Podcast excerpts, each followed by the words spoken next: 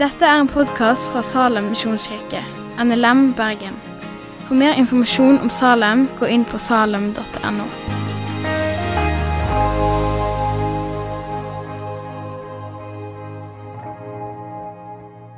Mathias, Ja, hyggelig å se deg. I like Her, måte. her oppe også. i like måte. I like måte. Du skal tale til oss her. Kan ikke du, du kjenner, Det er sikkert mange her som kjenner Mathias, du kjenner sikkert mange her, men sikkert ikke alle. Kan ikke du bare si kort litt om deg selv, hvem du er, og hva du driver med sånn til daglig, også utenfor salen? Det, det kan jeg. Eh, ja, jeg heter Mathias. Jeg er 22 år gammel.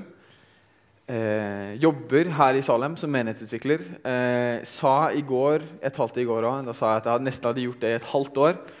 Som er veldig spesielt for meg, for det føles ikke så lenge. Men det var bare fire måneder, da, så det var liksom ikke helt et halvt år. Men vi kommer dit. Vi kommer dit. Det nærmer seg. Det er jo fire måneder. Det er vi nesten runder seks oppover. måneder. Vi runder oppover. Vi runder opp. Og så er jeg teologistudent. Så jeg studerer teologi på NLA. Eh, har studert på NLA i eh, litt over to år nå. Eh, og så ja, bor jeg i kollektiv på Laksevåg og lever livet. Og lever livet. Og lever livet. Du, så flott. Vi er veldig glad for å ha deg med oss. La meg be for deg først. Kjære Jesus, eh, vær med Mathias nå.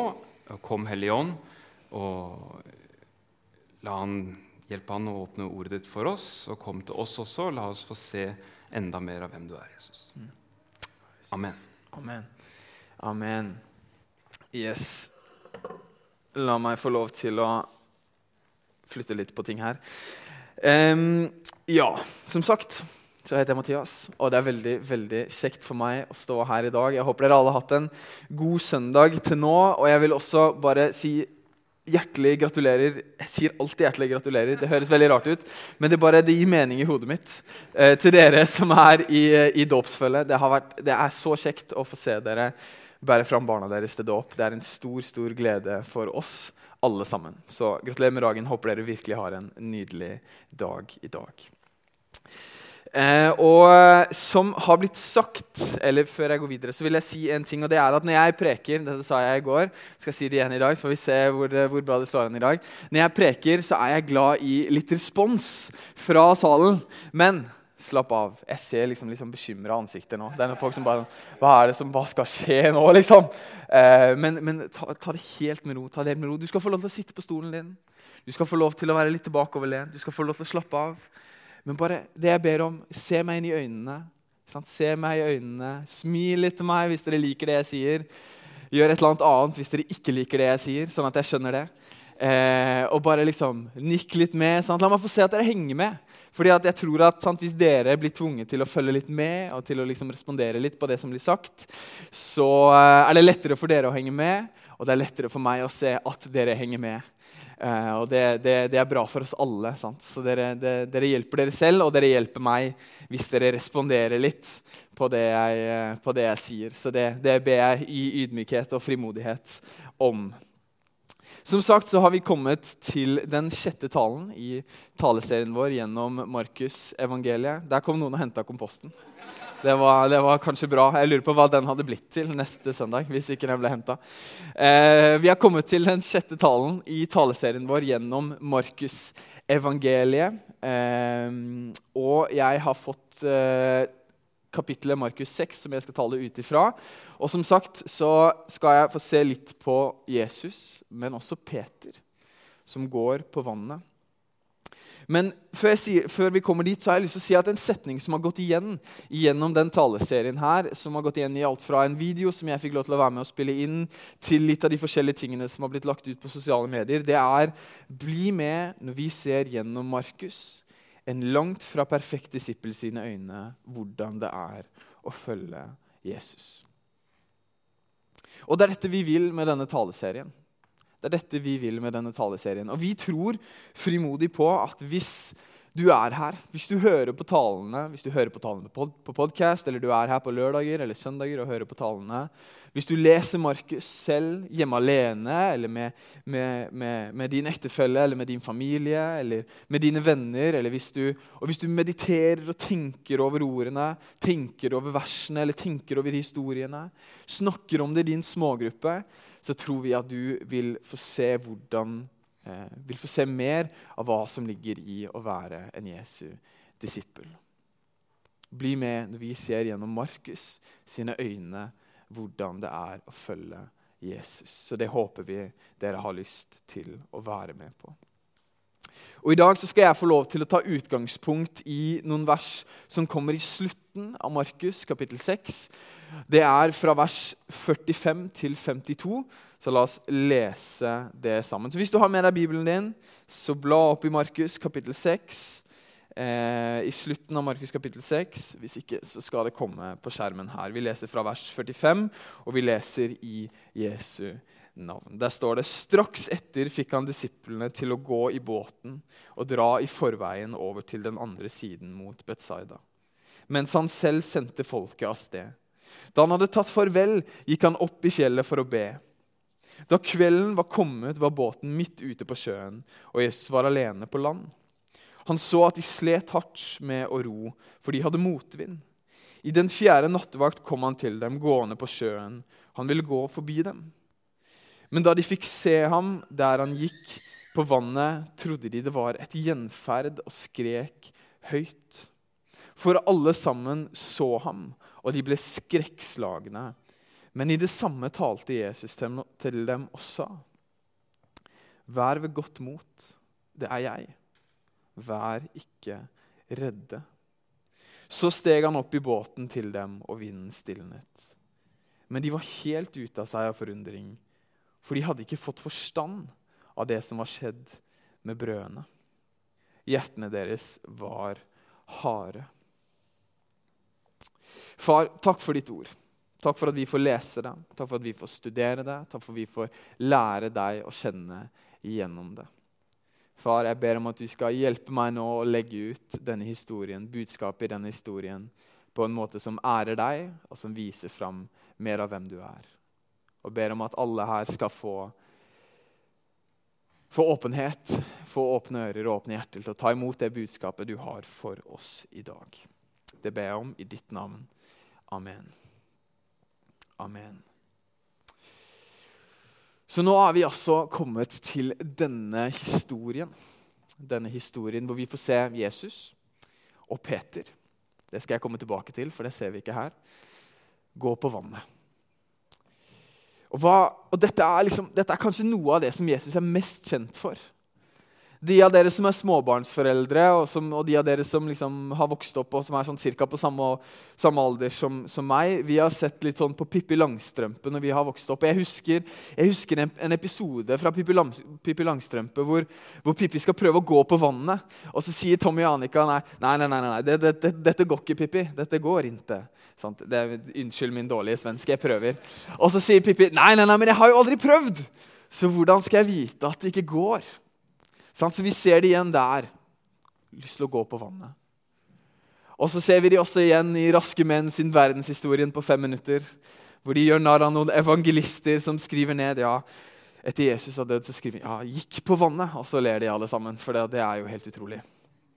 Sånn Vi ser dette igjen. Dette er noe av det Jesus er mest kjent for. Vi ser det igjen. Men hva er det egentlig som skjer her? Hva er det egentlig som skjer i denne historien? Jo, vi fikk høre at eh, Jesus han, i Markus 6 har han mettet 5000. Og det har han gjort rett før det som skjer nå. Det står 'straks etter', begynner vi med å lese. Vi begynner med å lese straks etter. Så sender han disiplene sine ut i båten for å seile over til den andre siden. Og han sender folket bort, sender de bort fra seg. Og så går han selv opp i fjellet for å be. Han går opp i fjellet for å være alene med sin far. Og Når kvelden kommer, så får vi lov til å se hvordan disiplene har det. Og de sliter. De sliter. De har motvind mot seg, og de er ute på sjøen. Og det er, liksom, det er noe i mitt hode som liksom, det blir sånn Motvind og, og, og sjø, det blir bølger. Det kan godt hende at det ikke var bølger, men i mitt hode så bare det blir bølger. Så jeg ser for meg bølger. Men uansett så sliter de.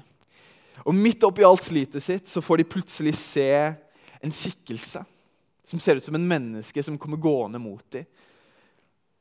Og de, de blir vettskremt. De blir livredde. De skjønner ikke hva som skjer. De tror det er et spøkelse som kommer mot dem. Og det må jeg jo si, det er jo en ganske naturlig reaksjon på det som skjer. Det var en ganske naturlig reaksjon på det som skjer. Du er ute på sjøen, og så ser du en skikkelse komme mot deg. Jeg har ikke vært mye ute på sjøen. Jeg har vokst opp, uh, hatt ungdomstiden min på Sotra. Og der er det mange som er mye ute på sjøen, Men jeg har ikke vært mye ute på sjøen. Men jeg ser liksom for meg at selv for de som har vært mye ute på sjøen, så skjer ikke dette så ofte. Kanskje liksom maks to-tre ganger i løpet av et liv. Så det er en ganske naturlig reaksjon på det som skjer. De blir livredde. Men Jesus han snakker til dem, og han sier, 'Vær ikke redd'. Det er meg. Det er meg. Og så er det neste som skjer, eller det som skjer i resten av denne gjenfortellingen av historien, det er at eh, Jesus han går opp i båten til dem. Vind, stormen stiller.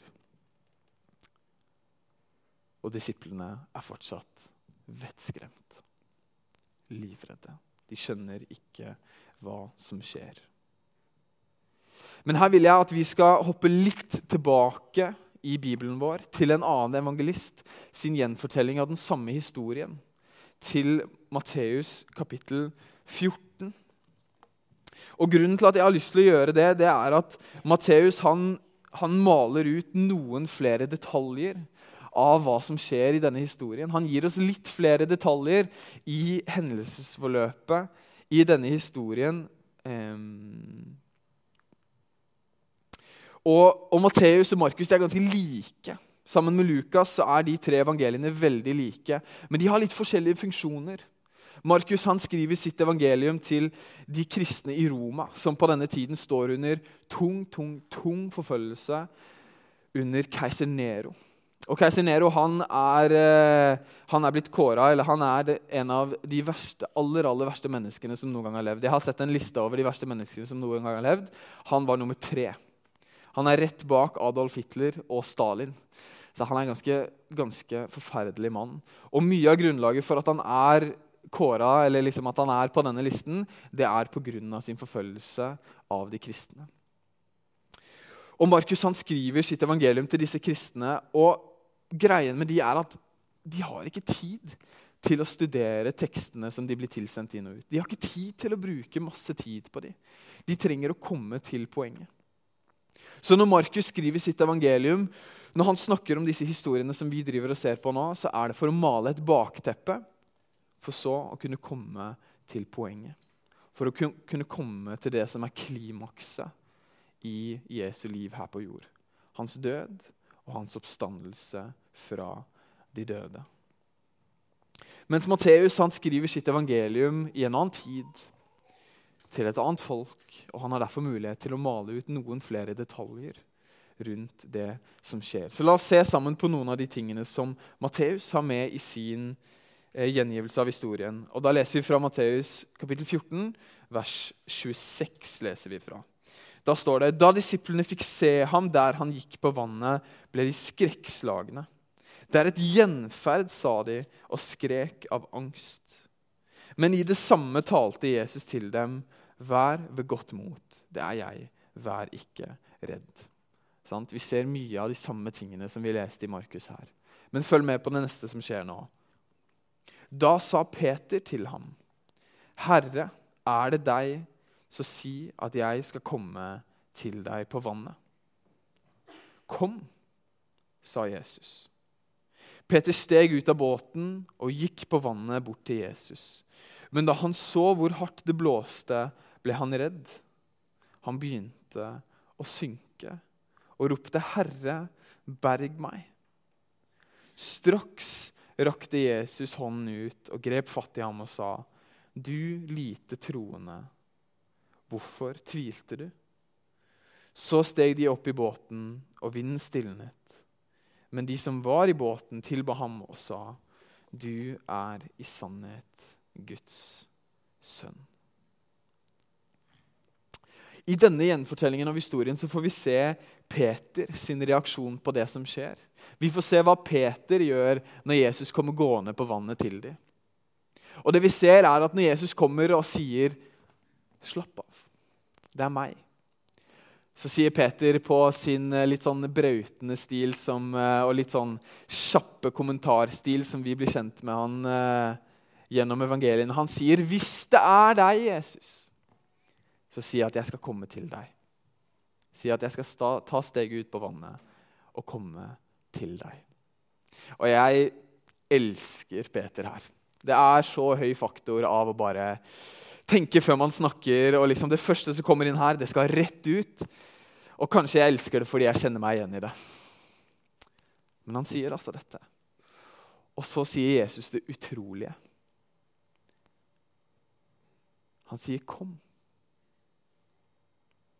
Og vi får se Peter ta steget ut av båten, ut på vannet, og han begynner å gå mot Jesus.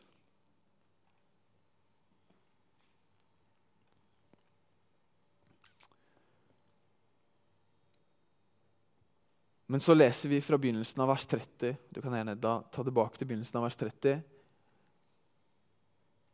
Så leser vi Men da han så hvor hardt det blåste, ble han redd.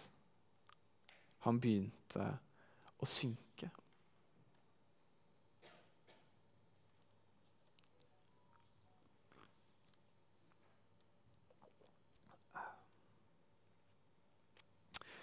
Og Her vil jeg stoppe opp litt, for her vil jeg at dere skal legge merke til hva som skjer rett før Peter begynner å synke. Det står at da han så hvor hardt det blåste, ble han redd, og han begynte å synke. Når Peter ser rundt seg sant? Han har gått mot Jesus, men når han ser rundt seg på, på vinden og motvinden som de har slitt i, han ser på igjen, jeg ser bølger.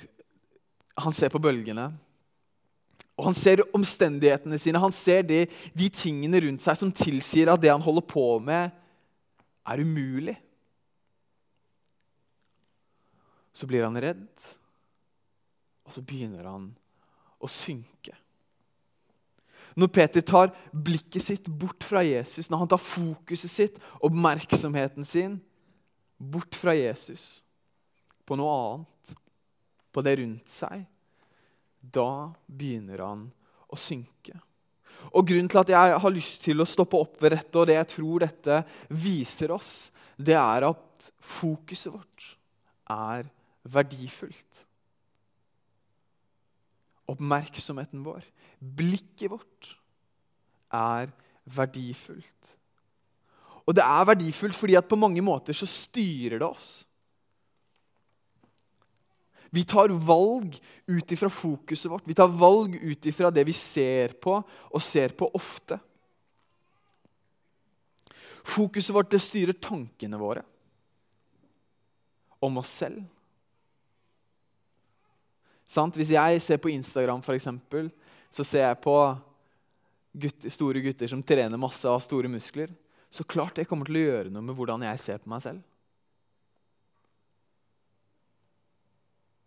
Det styrer tankene våre om vennene våre, om de vi omringer oss med. Du styrer tankene våre om verden. Om vi ser på nyhetene 24-7, ser på alle de forferdelige tingene, vonde tingene, smertefulle tingene som skjer rundt omkring i verden, så klart det kommer til å bety noe for hvordan vi ser på verden. Og ikke minst så styrer det tankene våre om Gud, om hvem han, om hvem han er, hvordan vi ser på han, og hvordan vi forholder oss til han. Hva vi ser på, og hva vi velger å se på ofte. Og Det kan være aktive valg, eller det kan være passive valg. Men uansett så styrer det tankene våre. Og Her er sosiale medier et veldig veldig godt eksempel. Fordi at sosiale medier, Vet dere hva produktet som sosiale medier selger, er? Vet dere hva som er produktet som sosiale medier selger? Det er meg. Og det er deg. Det er oss. Sosiale medier, altså Instagram for eksempel, som er eid, nå eid av Facebook eller Meta, de, de, de, har utviklet en plattform og de har utviklet noen algoritmer som jeg egentlig ikke forstår hva er, men, men, men det heter i hvert fall algoritmer, som, som, som har oppmerksomheten vår. Og for mange av oss så har det oppmerksomheten vår mange timer hver eneste dag. Og Så tar de dette og så går de til, til, en bedrift som har et budskap eller et produkt som de har lyst til å selge. Og så sier de at vi har oppmerksomheten til mange millioner mennesker, mange hundre millioner, milliarder mennesker hver eneste dag. Hvor mye er du villig til å betale for at vi putter budskapet ditt eller produktet ditt på vår plattform? Og svaret på det spørsmålet det er masse penger. Og Poenget med å si dette det er å vise at oppmerksomheten vår, blikket vårt, fokuset vårt, er verdifullt. Fordi at det sier noe om hva vi kommer til å gjøre. Og det ser vi i historien om Peter, som vi har lest sammen nå. Og vi ser det i våre liv. For hvis vi ønsker å følge Jesus, hvis vi ønsker å leve for han, gå i den viljen som han har for oss, gå i det livet som han har for oss, så er vi nødt til å gi han oppmerksomheten vår.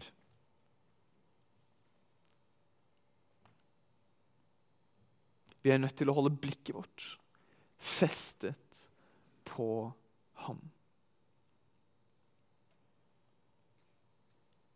For Jesus han kaller oss til å leve liv som er større enn det vi kan gjøre i oss selv. Og jeg tror 100% på at hvis vi holder fokuset vårt på han, hvis vi holder blikket vårt festa på han, så vil vi gjøre det. Da vil dette livet som vi lever her på jord, det vil bety mer enn det det ville gjort om vi ikke holdt blikket vårt på han. Men hvis vi ser på omstendighetene våre, hvis vi ser på det rundt oss som tilsier at vi ikke kan bety noe, det som står i veien for de tingene som Gud kaller oss til. til for, det som står i veien for å leve det livet Gud kaller oss til å leve. Det som står i veien for at vi skal få lov til å tråkke inn i den gode viljen han har for oss. F.eks. hvis vi ser rundt oss og tenker Hva kommer hun kollegaen min til å tenke om meg hvis jeg gjør dette? Eller nei, dette klarer jeg ikke å gjøre. Dette får jeg ikke til. Dette klarer jeg ikke å gjøre, Jesus. Dette tør jeg ikke. Eller hva hvis jeg ber for han, og så blir han ikke helbreda?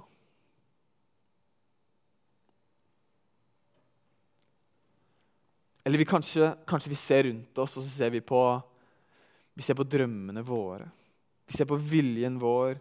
Vi ser på visjonen vår for, for livene våre. Vi ser tiltrekkende ting rundt oss, kanskje i form av mennesker, eller kanskje i form av biler eller hus, eller, eller en tiltrekkende bankkonto. Og så tenker vi at nei, jeg vil heller leve for meg selv. Jeg vil heller leve for å oppfylle mine drømmer for å gjøre min vilje. For å oppfylle mine ønsker, det jeg vil gjøre.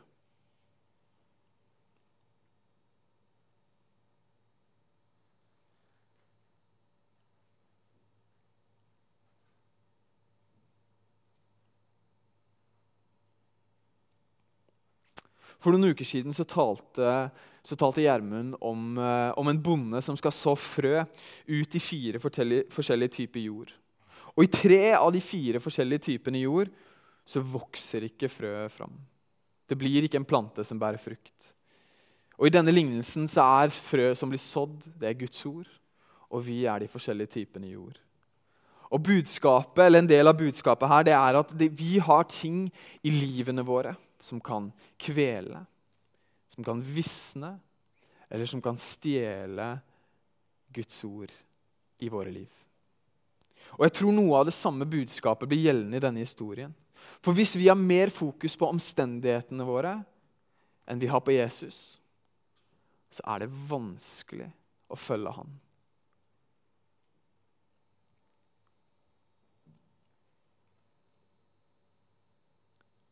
Og Da blir det neste naturlige spørsmål å stille det blir hvordan er det vi holder fokus vårt på Jesus?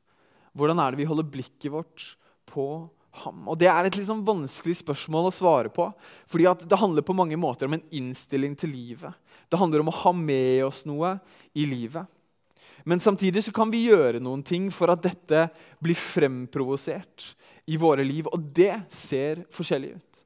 Og det er alltid noe som vi kan bli bedre på og strekke oss etter. Kanskje for deg så er det å finne 30 minutter eller 15 minutter eller 10 minutter eller 5 minutter i din hverdag hvor du kan sette deg ned og bruke tid med Gud, i Hans ord. Eller sette av tid i bønn, rope ut til Han, snakke med Han. Eller kanskje tid i stillhet, i fellesskap. Stille fellesskap med Gud. Kanskje for noen av dere så er det å begynne å gå fast i en kirke. Kanskje for noen av dere så er det forplikte dere i en smågruppe. Kanskje for noen av dere så er det å begynne å ha en fast sabbatsdag i uken. Hvor dere legger fra dere jobb, hvor dere legger, legger fra dere det å skulle produsere noe, og bruker tid sammen med Gud, sammen med familien, sammen med gode venner. Kanskje for noen av dere så er det å ha en fast dag i semesteret eller i måneden hvor dere faster. Hvor dere sier nei til kroppen og det den har lyst på, og det den vil, i form av mat. Og dere bruker hele tid på å mate ånden deres. Mate ånden vår.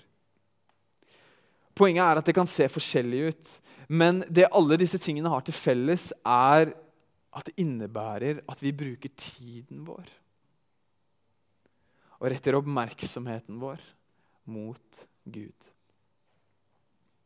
Og dette er vanskelig, for vi lever i en verden som, er, som skriker etter oppmerksomheten vår, og som har blitt så vanvittig flink på å fange oppmerksomheten vår. Men hvis vi skal følge Jesus, hvis vi skal være hans disipler, hvis vi skal tråkke inn i det gode livet han har for oss, så er vi nødt til å gi ham oppmerksomheten vår. Og da vil jeg avslutte dette poenget med å lese noen vers fra Hebreerne, eh, kapittel 12, vers 2.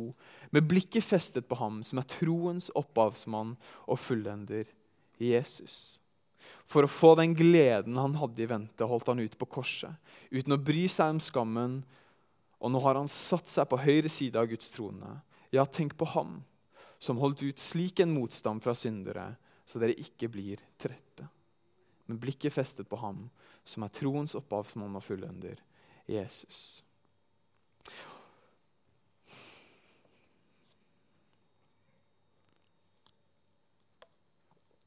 Så vi må holde blikket vårt festet på Jesus. Og så er det andre jeg vil si før jeg snart er ferdig, det er det neste som skjer i historien. Jeg vil at vi skal se på det neste som skjer i historien. For Peter han har nå tatt steget ut på vannet.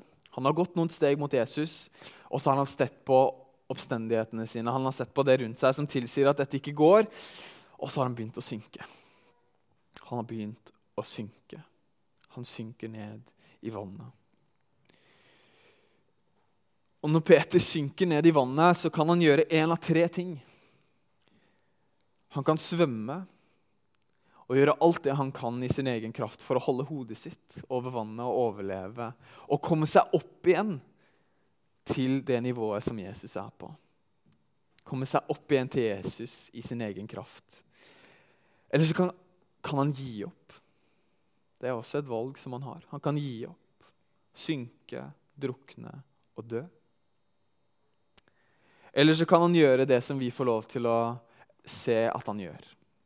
Han kan rope på Jesus. 'Herre, berg meg.' 'Herre, redd meg.' Han kan strekke ut hånden sin mot Jesus og rope, 'Herre, berg meg'. Og så ser vi at med en gang Peter gjør det, med en gang han roper 'Herre, berg meg', så strekker Jesus seg ned, strekker hånden sin ut, tar tak i Peters hånd og drar han opp. Og de går sammen i båten.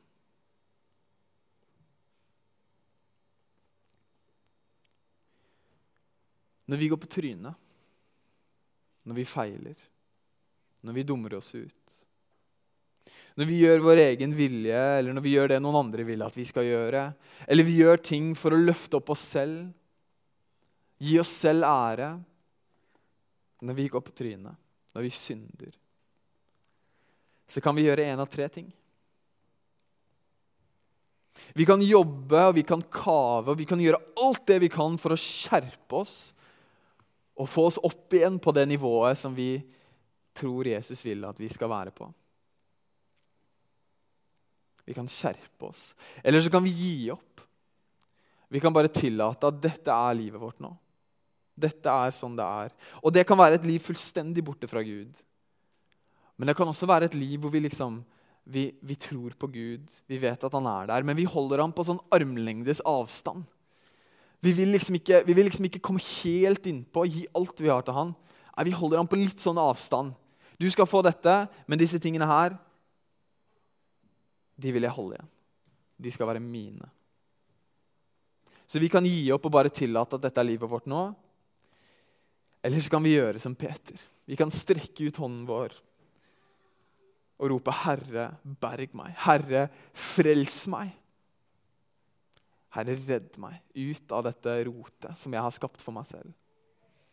Og så kan vi stole på at straks, når vi gjør det, så vil Jesus straks ta tak i hånden vår og redde oss ut.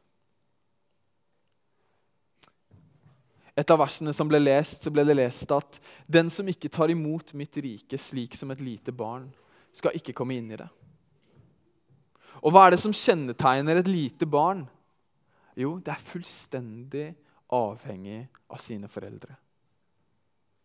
Og det stoler på sine foreldre for alt. Vi kan stole på at han vil ta hånden vår. Han vil dra oss ut av vannet. Dra oss ut av det rotet, den driten vi har skapt for oss selv.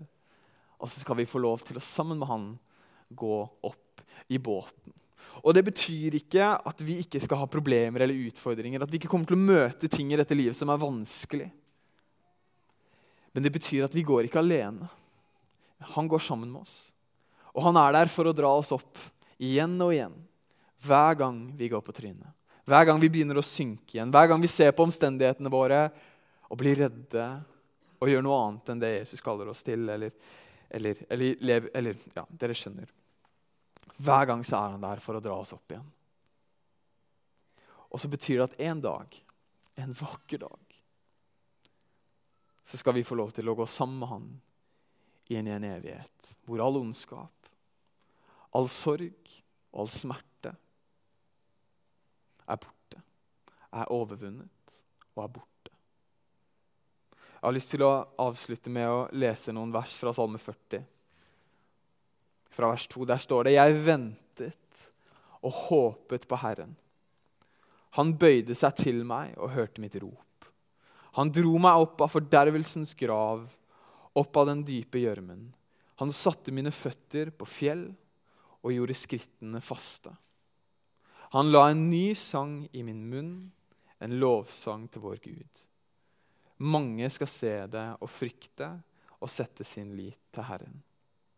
Herre Jesus, jeg takker deg for at du alltid går sammen med oss. At du er der for å dra, dra oss opp av det rotet vi skaper for oss selv. At med en gang vi strekker oss ut til deg og roper 'Herre, frels meg', 'Herre, berg meg', i full tillit til at du vil gjøre det, så vil du gjøre det. Da vil du dra oss opp, du vil dra oss ut, og vi får lov til å gå sammen med deg opp i båten. Og så ber jeg, far, om at du skal hjelpe oss å holde blikket vårt festet på deg. Gi deg oppmerksomheten vår. Gi deg tiden vår. Gi deg fokuset vårt. Og ber om at vi skal få lov til å se hva det skaper i livene våre. Ber om at vi skal få lov til å se at det gjør at vi får følge deg av et helt og fullt hjerte. Og ber om at vi skal få lov til å se den frykten som det vil skape i livene våre, Jesus. Det ber jeg om i ditt navn. Amen. Takk for at du har hørt på podkasten fra Salem, Bergen. I Salem vil vi vinne, bevare, utruste og sende til Guds ære. Vi ønsker å se mennesker finne fellesskap, møte Jesus og bli disippelgjort her i Bergen og i resten av verden. Vil du vite mer om oss, gå inn på salem.no.